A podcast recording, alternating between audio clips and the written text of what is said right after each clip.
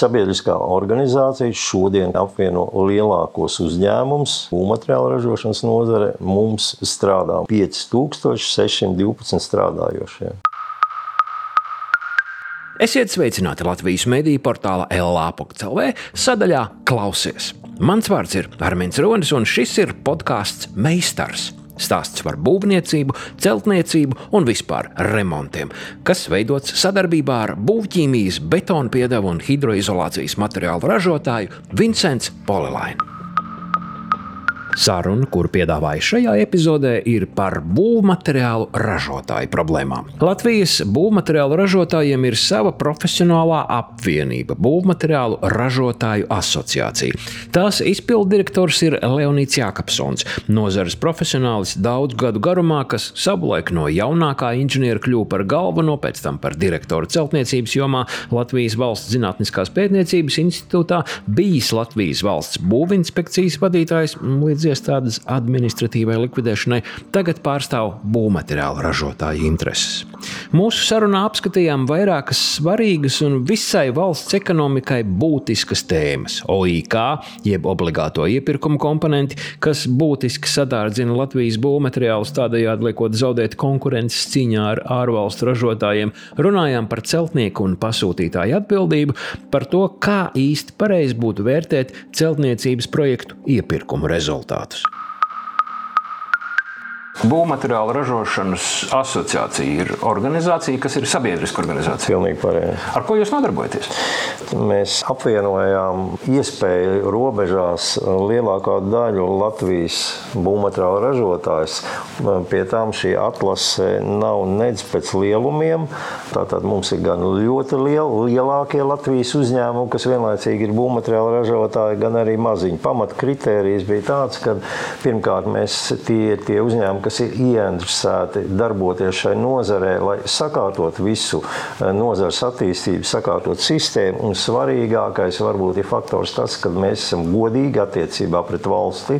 Tas ir nodokļu nomaksa, attiecībā arī pret kolēģiem, jo vēlme iestāties mūsu asociācijā ir bijuši vairākiem uzņēmumiem, bet ja mēs saskārāmies ar situāciju, ka kāds no uzņēmumiem varēja būt iesaistīts kaut kādos melnos darījumos, mēs šādu uzņēmumu savā asociācijā neuzņēmām. Jums ir arī ētikas kodeks? Mums ir arī ētikas kodeks, jā, pēc kura mēs arī vadāmies, lai izvērtētu pretendenta vēlmi, vai viņu var uzņemt asociācijā. Mums bija arī viens no pirmajiem līgumiem, ko mēs noslēdzām ar valsts ieņēmumu dienestu, kur bija noteikti tie kritēriji, kas var būt asociācijai. Minimālā darba alga, kādu mēs maksājam, ir krietni augstāka nekā tajā laikā bija valsts valstī. Un arī noteikti nodokļa summa, kāda ir ne mazākā nu, jāmaksā valstī. Līdz ar to es arī uzsveru šo jautājumu par godīgu attieksmi pret valsti. Būvmateriālu ražotāju asociācija ir nodibināta ar mērķi aizstāvēt būvmateriālu ražotāju intereses. Tā taču ir. Pilnīgi pareizi. Kādas ir tās būvmateriālu ražotāju intereses, kuras šobrīd ir jūsu redzeslokā? Būvmateriālu ražotājiem ir vairāk jautājumu jautājumi, kas ir būtiski, ar ko mēs arī praktiski sākām mūsu darbu. Tas ir saistīts attiecībā ar valsti, risinot jautājumus attiecībā uz energoresursiem, tad energoresursu cenām, tā ir elektrība, gāze, dabīgās izēvielas, kas laikam vienīgie derīgie izrakteņi, ko Latvijā mēs iegūstam, tie arī visi, kas attiecās uz būvmateriālu nozari. Smiltis, šķembas, ģipsis, kaļķis, koksne. Tie materiāli, līdz ar to arī viss, kas attiecās, ko um, likumdošana mēģina sakārtot šo nozari, lai šeit mēs arī varētu līdzvērtīgi konkurēt ne tikai savu uzņēmumu starpā, bet svarīgākais, kas šodien ir arī būvmateriālu nozarē, jo mēs zinām, ka būvmateriālu nozare ir viena no eksporta spējīgākām nozarēm, vairāk kā 70% saražotā Latvijā tiek eksportēts. Līdz ar to mums ir svarīgi, lai šie jautājumi arī neradītu šķēršļus mums tālākai attīstībai attīstībai un konkurences gan Eiropas, gan pasaules līmenī. Kas veido tās lielākās problēmas uzņēmumiem, kas ražo būvmateriālus? Nu, jāsaka tā, ka svarīgākais un būtiskākais problēma jautājums tās ir energoresursu cenas un pirmkārt elektroenerģijas cenas. Tas ir jautājums ar visiem zināmiem trīs burbuļu apzīmējumiem. Tas gan nav rupšs burti, bet tie ir obligātā iepirkuma komponenti, ar kuru mēs sākām risināt vēl tajā laikā, kad vēl mājsaimniecības par tādu pat nebija neko dzirdējuši. Jo atšķirībā no mājsaimniecībām uzņēmumiem jau šīs elektroenerģijas maksājuma tāmes sadalījums jau bija redzams un bija redzama jau šī komponente, kura pēc eh, plāniem, kā mēs redzējām, ka attīstās, viņa aug nepārdomāti un ik gadus un sasniegt tādu līmeni, ka mums par elektroenerģiju būtu jāmaksā vairāk nekā par visu pārējo, par ko mēs maksājam. Un, ja elektroenerģijas cenas aug, tad tas nozīmē, ka aug arī pašizmaksa un uzņēmumi ir ierobežoti attīstībā. Tā es saprotu. Pilnīgi pareizi. Un nerunājot nemaz par to, kā es jau minēju, nozara tā ir konkurenti, darbojoties uz, uz savu produkciju, sūtot uz ārzemēm. Tas bija viens no faktoriem, kas ļoti un pamatīgi ierobežoja konkurences cīņu. Un jāsaka, ka vēl šodien mēs šo jautājumu līdz galam neesam sakārtojuši. Pašreiz ieviestais OIK bremzē būvmateriālu ražošanu, tāpēc, ka cenas paliek dārgākas. Jā. Cenas paliek dārgākas, tātad produkts maksā vairāk un nav konkurētspējīgs Eiropas un pasaules tirgos. Pilnīgi pareizi. Un tas ir tieši attiecībā uz šo OIK, jo elektroenerģija kā tāda, viņa praktiski biržā šodien mēs visi iegādājamies, cena ir aptuveni vairāk vai mazāk līdzīga. Ja sākotnēji bija jautājumi, kas saistīti ar sadali un pārvadu, arī bija diezgan liela salīdzinot ar kaimiņu valstīm, tad mums jau izdevies šos jautājumus risināt.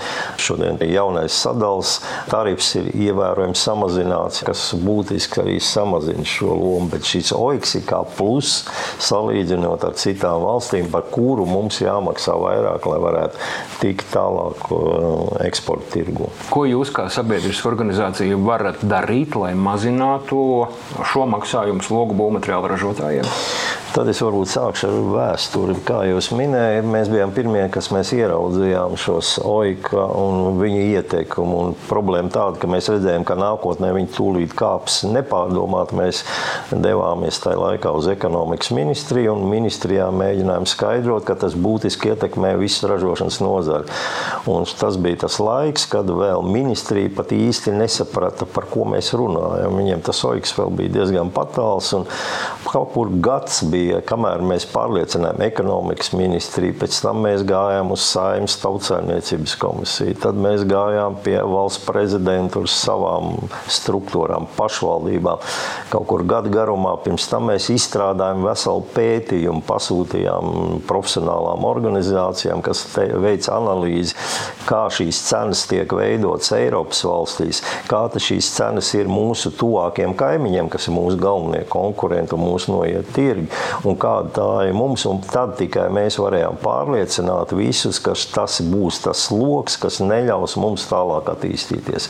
Un tas bija tas sākums, un pēc tam jau ejot jau tālāk, risinot šodien, jau, man liekas, jebkurš uz ielas var uzprasīt, kas ir, viņš jums atbildēs. Jā, un varbūt ne sevišķi literāri. Glaimojoši, jā, diez vai viņš kaut ko izteiksies par to, jā, bet nu, tie bija tie jautājumi, pie tam tie bija pilnībā nesakārtots jautājumi. Mēs arī bijām tautsājumniecības komisija komisijā mēs ļoti aktīvi iesaistamies visos darbos, kas saistās, kā jau minēju, likumdošanu.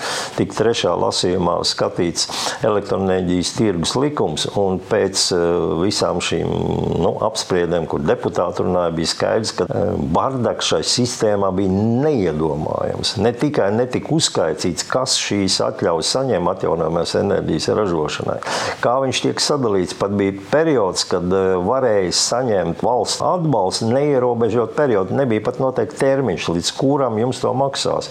Jums jau sen būtu visi mm, pamatlīdzekļi amortizējušies, un jūs vienalga vēl saņemt valsts atbalstu. Tas jau bija pats sākums, kad mēs noteicām, ka jābūt noteikts termiņš, līdz kuram šo atbalstu vispār var maksāt. Nu, nerunājot par pārējo. Bet jūs esat sabiedriska organizācija, un tas, Jā. ko jūs stāstat, savā ziņā drusku izklausās pēc cīņas ar veidzinavām. Ko jūs varat izdarīt, būdama sabiedriska organizācija? Es saprotu, jūs tagad labi pazīstat Jēkabielas kabinetus un gaiteņus, esat bijis arī Brīvības ielā un droši vien vēl lielākajās pašvaldībās. Ko vispār viena sabiedriska organizācija var izdarīt, lai nu, šādu netaisnību likvidētu? Šī sabiedriskā organizācija šodien, kā jau minēju, apvieno lielākos uzņēmumus, kas, kā izrādās, ir arī būvmateriālu ražošanas nozare. Mums strādā mūsu nozarē. Es pat precīzi skaitu varu pateikt 5612 strādājošie. Tas ir ļoti liels svars. Tie ir arī pēc apgrozījuma pagājušā gadā. Mēs esam um, apgrozījumu sastādījis 688 miljonus. Mēs valsts budžetā esam nodokļu veidā ienesuši 25 miljonus. Nerunājot par pārējiem maksājumiem. Ja? Tas ir ļoti nozīmīgs uh, sektors valsts attīstībā, valsts budžetā un attiecīgi arī kā tēlu veidotājs valstī kā tādai. Tagad jūs izstāstījāt par to, ka jūs pārstāvat organizāciju, kurā ir pietiekami daudz nozīmīgu ražotāju. Jā. Bet tas jautājums, uz kuru es mēģinu dabūt atbildi, ir man ķinīt cits. Nu, labi, jūs esat, jūs aizējat, jūs sakat, nav taisnības. Jums saka, ziniet, mēs pārreķināsim, pagaidiet, iesniedziet aprēķinus nu, kaut kādā tādā veidā. Tas nozīmē, ka jūs piedalāties savu veidu futbolā. Vai ir cerības tikt līdz vārtu laukumam? Nu, līdz vārtu laukumam, es domāju, mēs jau esam tikuši, vēl, vēl palicis iesist to bumbu vārtos. Jo, uh, lai varētu pierādīt jūsu oponentiem, kad jums ir taisnība, jūs nevarat tikai emocionāli stāstīt, ka mums tas ir pa grūtu, mēs to nu, ļoti grūti varam atrisināt. Mēs veicām veselu virkni pētījumu, un mēs vēl tagad to turpinām darīt, lai varētu salīdzināt, un vai, e, nevis uz pirkstiem, bet ar skaitļiem varam pierādīt, kā konkrēti kaut kāds faktors var ietekmēt visu ražošanu, nozari un attīstību. Jauki. Bez tā nevienu pārliecināt šodien nevar. Kas notiks tālāk? Tālāk, tālāk mums jāatrod tās dzirdīgās ausis, dzirdīgos cilvēkus, kas ir, nu, teikšu tā, tie, kas arī pieņem lēmumus. Jo, ja mēs tikai runāsim masām un stāstīsim, ka mēs tādi esam un ka mums vajag to un to, tas neko nedod.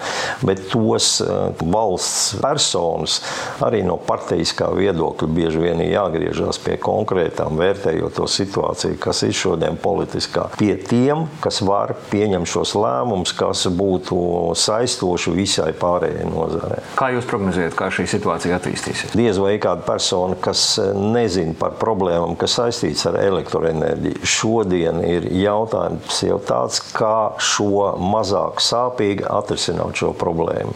Vairs mēs jau nemēģinām kaut kur slēpties un pateikt, ka viņas vairs nav, jā, bet mēģina rast risinājums. Un šodien jāsaka godīgi, nu, mēs jau esam strādājam līdzvērtīgi ar visiem šīs struktūras elementiem. Ja es runāju par elektrību, tas ir gan pašiem elektrības ražotājiem, gan, gan sadals pārvades tīklu, ministrijām. Šodien jau ir jautājums tāds, kā mazāk sāpīgi atrisināt šo problēmu, kas ir radīta nepārdomāti. Varbūt arī citreiz liekas, ka tas ir vai nu speciāli radīts, jā, man grūti par to spriest, bet nu, tas, tas, kas ir, to mēs visi tagad zinām. Es saprotu, ka prognozēšana ir viena no nepateicīgākām nodarbēm, kāda pasaulē iespējama. Bet tomēr vai jums ir kaut kāda nu, nezinu, vīzija, sapnis, kad tas tiks sakārtots? Par termiņiem ir grūti pateikt. Ja? Nu, mēs esam panākuši to, ja mums teiksim, starpība ar kaimiņiem, par, par to pašu es atkal runāšu, par to pašu elektrību, bija starpība kaut kur 20%. Viņa bija lētāka nekā tas bija pie mums. Mēs bijām par 20% dārgāk ar tuvākiem kaimiņiem. Mēs nerunājam par kaut kādu Zviedriju, kur bija 47 līdz 50%. Vai Polija? Polija vēl tie vēl turās, protams, visas valsts. Mēs bijām praktiski viss, visdārgākā no visām. Mēs esam šo atstarpi jau samazinājuši vismaz divkārt. Tātad ar dažādiem pasākumiem apturot šo obligātā iepirkuma komponentu maksu jau pie uh, valsts apturē pie noteikta līmeņa un vairs necēla viņa, ja, meklēt dažādas finanses atspaides, lai varētu noturēt šo līmeni. Tālāk mēs uzstājam to, ka nepieciešama veikt revīziju tiem atbalsta saņēmējiem, kas līdz šim šo saņēma. Jo valsts agrāk tikai fiksēja uz papīra, kādas atskaites iedeva, tas bija labi. Šodien, kad valsts un ekonomikas ministrijas personā jau paši dodas un pārbauda tos eh, atjaunojamas enerģijas ražotājs, kāda tur ir sistēma. Jūs zināt, cik stacijas ir jau šodien slēgts, kas Jā, vispār neražo, kas uh, uzstāda transformātoru kaut kur lauka vidū un, un paziņo, ka viņi nodod tagad uh, elektroenerģiju kopējā tīklā. Ja? Tur bija vesels, nu, rupi runājot, bardaks. Mūsu ieskatā pati sistēma jau bija kā tāda, bija nepareizi. Ir vairāk varianti, kā citās valstīs to risina, bet nu, tas ir atkal tālāks dabas jautājums, jo tas, kas ir izdarīts, kā, nu, mums jau tas jau bija tāds skaits, ka vienkārši ar vienu lēmumu, kā mums dažas partijas, kas šodien cīnījās, lai tiktu pie varas, paziņoja, ka viņi tūlīt to atcels. Nu, tas, tas nebija reāli. To tā nedarīja. Ja? Tā tad bija jāatrod ceļi, kā var šo samazināt šo ietekmi nu, un, un attiecīgi arī likvidēt šķēršļus, kas, kas viņu teiksim, ir radījis. Jākaps un kungs, jums ir grūts darbs. Jums faktiski dienu dienā ir nevis jārada, bet jācīnās pret vismaz šajā jautājumā. Nav kaut kāda tāda baigie kreņķi par to. Kreņķi nav. Ja tu redzi, kad ir kaut kāds pozitīvs rezultāts, tas ir patīkami. Ja, ka mēs varam kaut ko pārliecināt. Kaut vai vakardienas sēdē, kad mūsu uzņēmumu arī deputātiem varēja pastāstīt, ko nozīmē tas, kad pirms nu, krīzes, kas bija saistīta ar Krieviju, ja, kad teiksim, tam pašam cementa ražotājiem, Cemeks, ja, ja Švenks tagad saucās, ja, ka viņiem 70% savas produkcijas viņi sūtīja uz Krieviju. Un tā kā Krievija bija nobloķēta un mēs vairs to produkciju neņēmām pretī, ja, tad mums bija vai nu jātaisa rūpnīca ciet, vai jāatrod ceļi, kā var iekarot Eiropas tirgu. Un, un to mēs izdarījām. Šodien mēs visu to pašu daudzumu sūtām tikai uz Zviedriju. Jūs klausāties būvniecības podkāstu, kas nozīmē raidījums internetā Meistars. Tas taps sadarbībā ar būvķīmijas, betona piedevu un hidroizolācijas materiālu ražotāju Vincents Polilainu.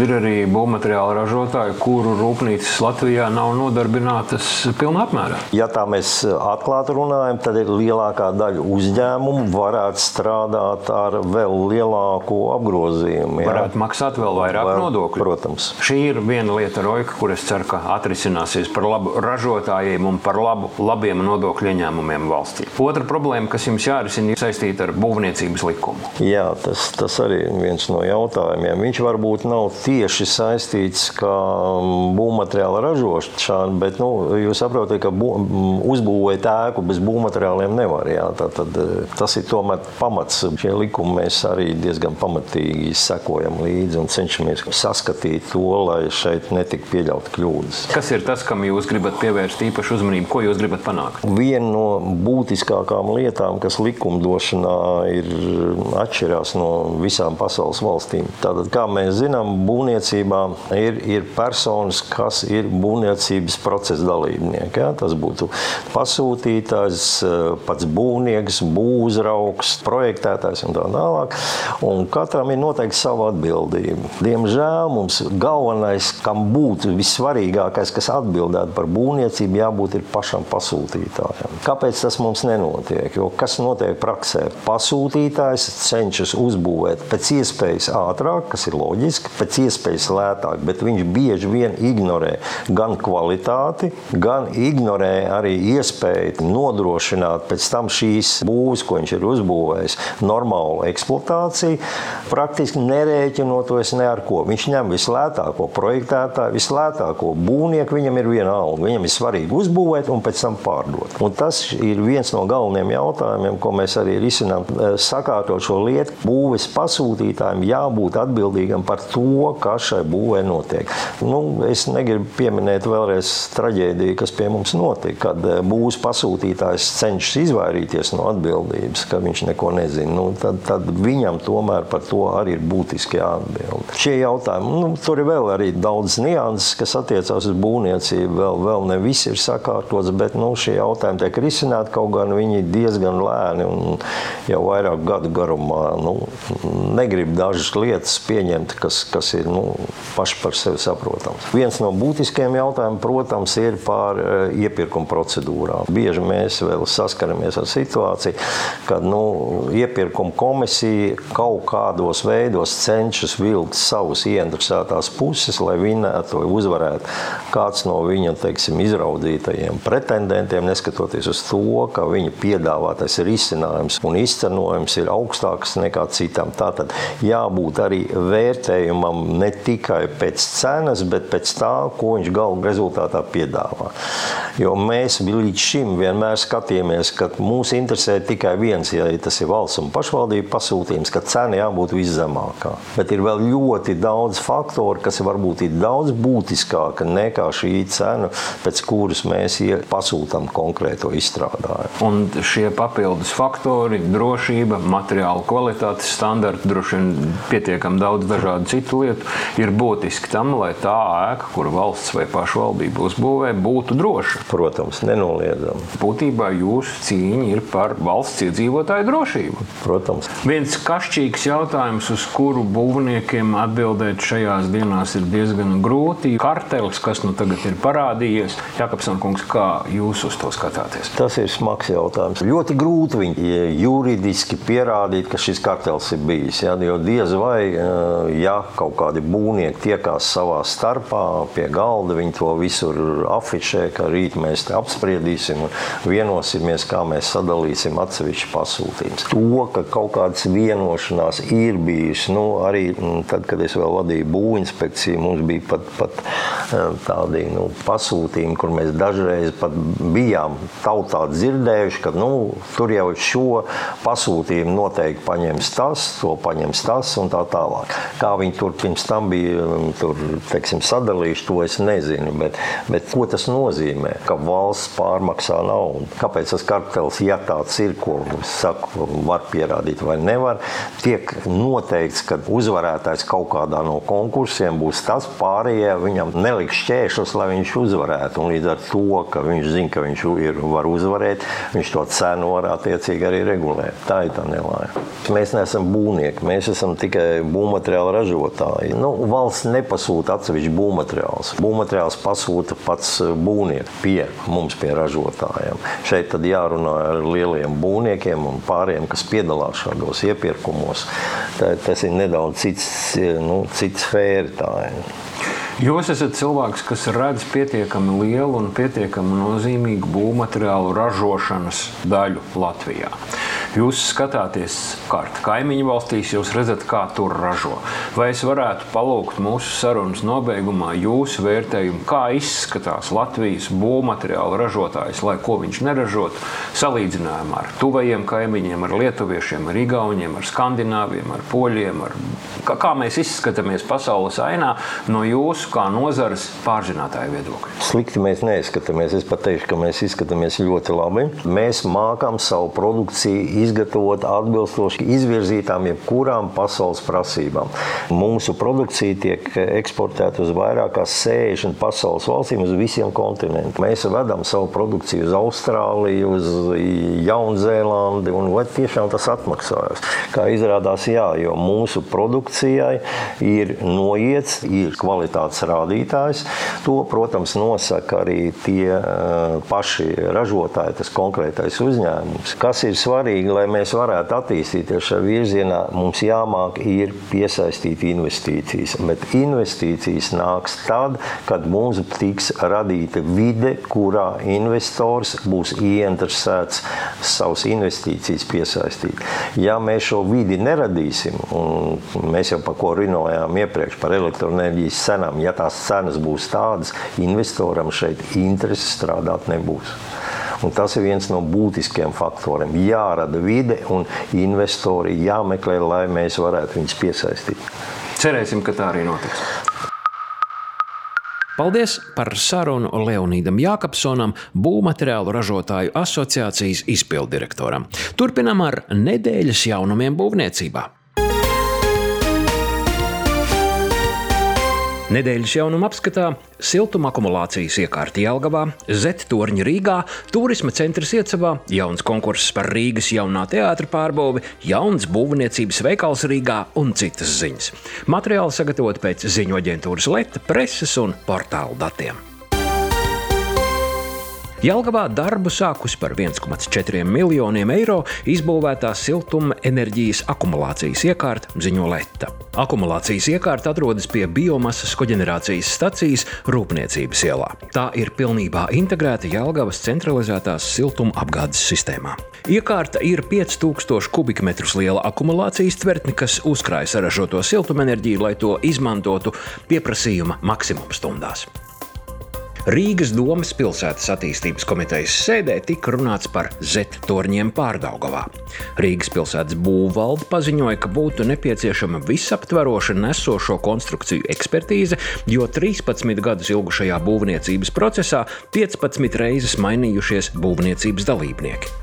Līdz ar pārmaiņām daudzām konstrukcijām dokumentācija vispār pazudusi.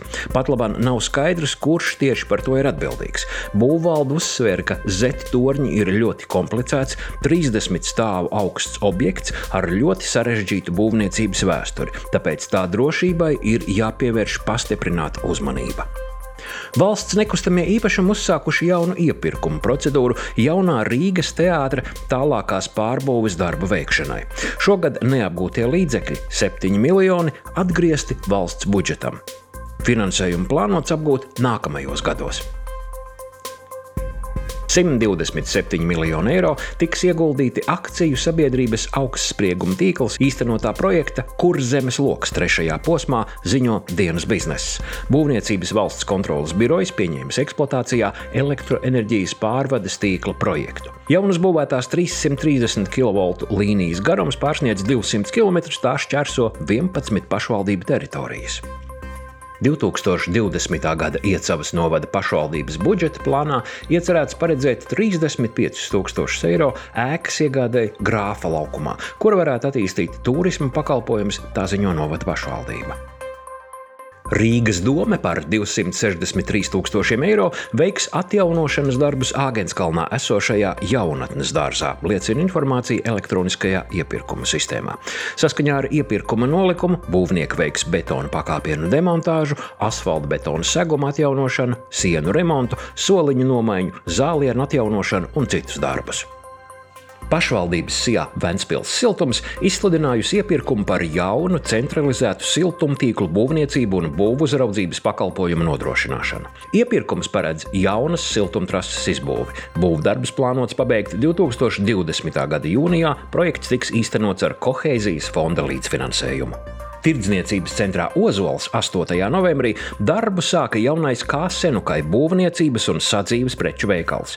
Jaunā koncepta veikala izveidē investēta vairāk nekā 6 miljoni eiro. Ēkas kopējā platība ir vairāk kā 30 tūkstoši kvadrātmetru. Tirdzniecības centra pirmajā stāvā atrodas veikali, ēkas otrajā stāvā ir biroja centrs. Tie bija būvniecības jaunuma podkāstā Meistars. Turpinām ar profesora Birša atbildēm uz jūsu cienījamie podkāstu klausītāju uzdotajiem jautājumiem. Sveicināti, profesor Kungs. Labdien! Klausītājs jautā tā, vai ir vērts siltināt ķieģeļu ēku no iekšpuses ar 5 cm vati? Kā jūs atbildētu, ir vērts, nav vērts? Nu, pirmkārt, mazliet jāprecizē, ja tā ir minerāla vate, un kas visticamāk, ka tā ir domāta, tad tiešām nav vērts to darīt, jo tas prasīs pēc siltinājuma vēl uzklāt virsū tvaika izolācijas plēvi. Tas nozīmē, ka mēs tīši apzināti dzīvojam polietilēna maisā. Īpaši labi tas neizklausās. Tāpēc labāk būtu, tad šī siltinājuma kārta ir biezāka un tad ir vērts ar tvaika izolācijas plēvi apklāt, ja ir, ja to prasa ķieģeļu biezums un savādāk mēs nevaram iztikt. Bet labāk ir pielietot e, organiskas izcelsmes vati. Tas nozīmē koku vati, kaņepāju vati vai ekovati. Vai šeit no iekšpuses nedarētu koku šķiedru plāksnes? Kokšķi ir plāksnes, visā pilnībā der. Tas ir kaut kas vidējs starp koku vati un starp kaņepāju vati. Kā tas izskatītos no, no naudas viedokļa? Vai nu likt vati, taisīt tādu nu, rāmi vatei, likt vati, nosekt to vati, vai arī vienkārši pielikt kokšķiedras plāksnes? Vai? Praktiski viens un tas pats, tāpēc, ka šeit mēs varam likt uz tīru ķieģeļu virsmu, virsū mīkstas kokšķiedra plāksnes. Kaut arī kā šīs plāksnes, protams, ka ir dārgākas kā vate, bet bet eh, ne, nav nepieciešamība pēc latām, nav nepieciešamība pēc tvaika izolācijas, nav samazinās darba izdevumu. Paldies par šo risinājumu. Jāņa jautājums nākamais. Ko darīt, ja noraso koka pakašu logu apakšu? Tas notiek tagad, kad iestājas mīnus. Māja nosiltināta ar paroku 120 mm fasādes vāku, apkūra centrālā ar malku. Nu, viss pārējais ir normas robežās. Šeit ir atbilde, ir pat jau zinām iepriekš.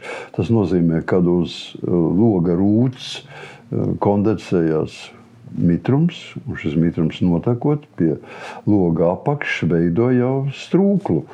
Tas nozīmē to, ka nav nepieciešama ventilācijas pakāpe. Es ieteiktu ierīkot logā ventilācijas restītes, nu, teiksim, piemēram, aereko tipa ventilācijas restītes, kas atļaus mitram gaisam, pirms viņš notiek lejā pa rūti, vienkārši iziet no telpas ārā norasojas koku pakaļš apakšu.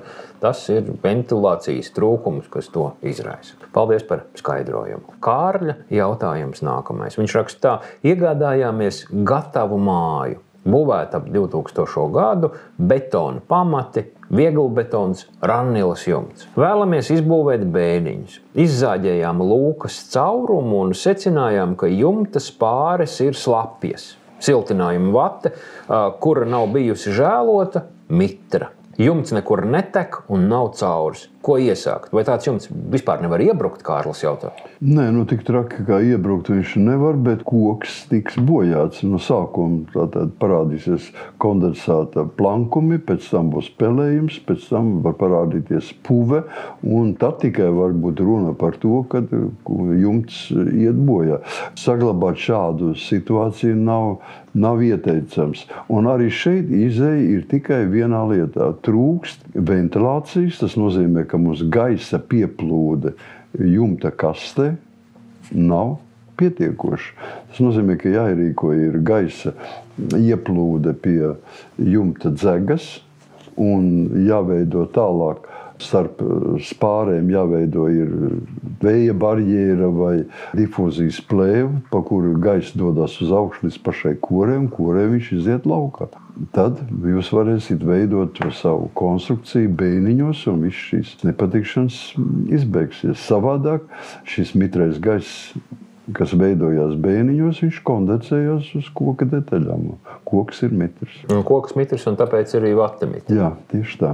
Un pēc tam viņš pil uz leju, un mitrums pāriet uz vatu. Tad arī ventilācijas problēma. Ventilācijas trūkums. Tas nozīmē, ka nav, mums ir pamatschēma, ir sekojuši ārā gaisa, pie dzegas ēkā ieplūst jumta kastē, un tālāk viņš ieplūst bēniņos, un pie koras viņš iet laukā. Ja jūs gribat kaut ko būvēt, tad mēs nevaram atļaut savu istabu iet šim gaisam, bet gaisa iet pa kanālu, kuru veido gaisa no jumta kastes, tālāk caur vēja barjeru līdz aizvadīts tiek viņš līdz pašai korei. Un korei viņš iziet ārā. Mm -hmm. Jā, paldies par skaidrojumu. Tomas jautājums. Pirts telpās ir betona grīda, bet es vēlētos ielikt koku grīdu tai virsū. Man ir iecerta likt uz betona OSB plāksnes un tad klāt grīdu. Uztrauc, vai neradīsies kāds liekais mitrums un OSB ar laiku nesāks pūt, tādējādi grīdas sagums sabojāsies. Kāds ir pareizais risinājums? Pirts telpa, tā tad telpa ar paaugstinātu Jā. mitrumu, neapšaubām slapjumu un, un mitra gaisa būs gan daudz. Būs gan, eh, jebkurā gadījumā, betons izdala mitrumu un uh, iztvaiko. Un Arī šeit tas vēl, jā. parādīsies. Tātad ne tikai tas mūs uztrauc, ka uzbriedīs OSB un bojāsies, viņš parādīsies arī nepatīkams smakojums, ja, un puve. Tātad, lai no tā izbēgtu, izēja ir ļoti vienkāršas. Betona grīdas vispirms uzklāja telpisku geomembrānu. Tātad tā ir membrāna ar tādām pumpiņām, ar pumpiņām uz leju. Un viņu stiprina pie grīdas, rati izvietojot kādas dībeļus, ar kuru palīdzību mēs piestiprinām. Un tālāk uz membrānas mēs droši varam likt virsū OSB un tālāk veidot savu grīdu, kā jums patīk. Tātad gar malām paliekot brīvs pie sienām, tad ir atstarpe un tātad mitrums no betona, bitrums, kas var aiziet, aiztecēt garām. Tas viss tiks noiet uz attiecīgo ūdens novadi, un pārējais viss, viss iztvaiko gar sienām uz augšu. Tātad parādās trakts, par kuru var virzīties mitrais gaiss, un nekādi pelējumi vai pūmu šeit nav iespējams vairāk. Jā, Tas, tas, tas ir apakšas. mitrums, kas ir nu, no betona nākošs vai apakšā nonācis mitrums. Jā. Bet uh, vai jebkurš cits mitrums telpā nevar traucēt tur OSB plāksnei un pēc tam uzliktam grīdas segumam? Nu, augšējais mitrums notiek no OSB, cik es saprotu. Ja viņš arī izies cauri un iekļūs tās membrānas augšējās eh, pumpiņu vietā, ir padziļinājumi. Tas iztvaikos, tas nav tik bīstams.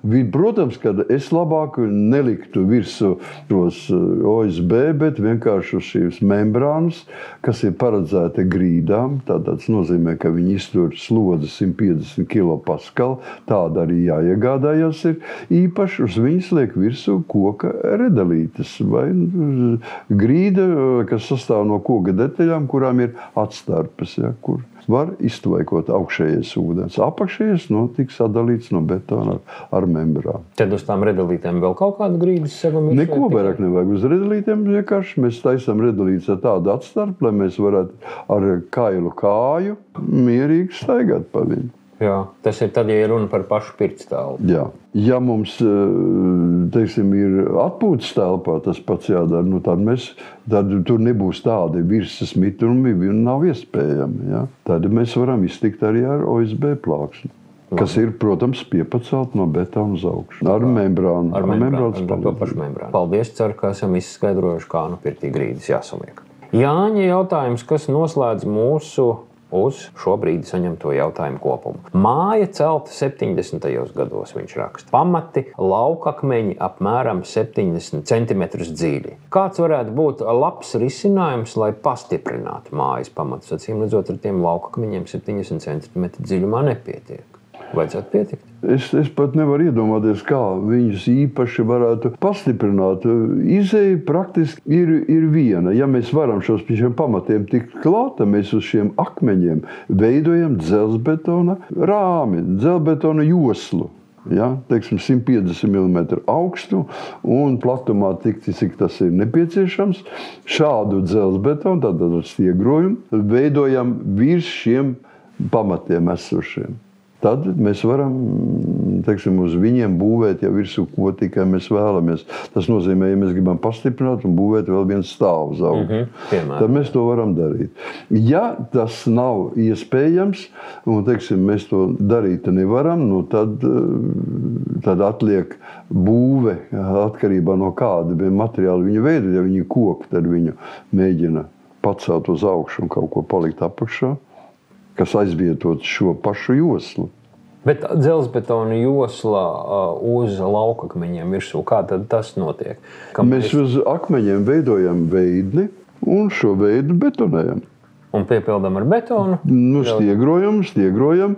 Tādā stieptajā zonā, apakšējā zonā mēs viņu stiegrojam un piepildām ar betonu. Pēc tam noņemam veidi sānu, sānus nost un mums ir josla gatava. Paldies par skaidrojumu. Profesors Juris Biršs, ne tikai profesors, bet arī tehnisko zinātņu doktors un certificēts būveksperts, kā Allaž atbildēja uz jūsu cienījumiem Latvijas mediju podkāstu klausītāju jautājumiem. Ja kas nepieciešams jautāt, lūdzu jautājiet. Jūs klausījāties Latvijas mēdīņu portāla LALV sadaļas Klausies podkāstu meistars, kas veidots sadarbībā ar būvķīmijas, betona piedevu un hidroizolācijas materiālu ražotāju Vincents Polilainu. Uz tikšanos pēc nedēļas un pajautājiet padomu, ja tas nepieciešams. E-pasta adrese meistars atLA.CLV. Jautājumu var uzdot arī ierakstot to LALV mājaslapā zem podkāstu atskaņotāju.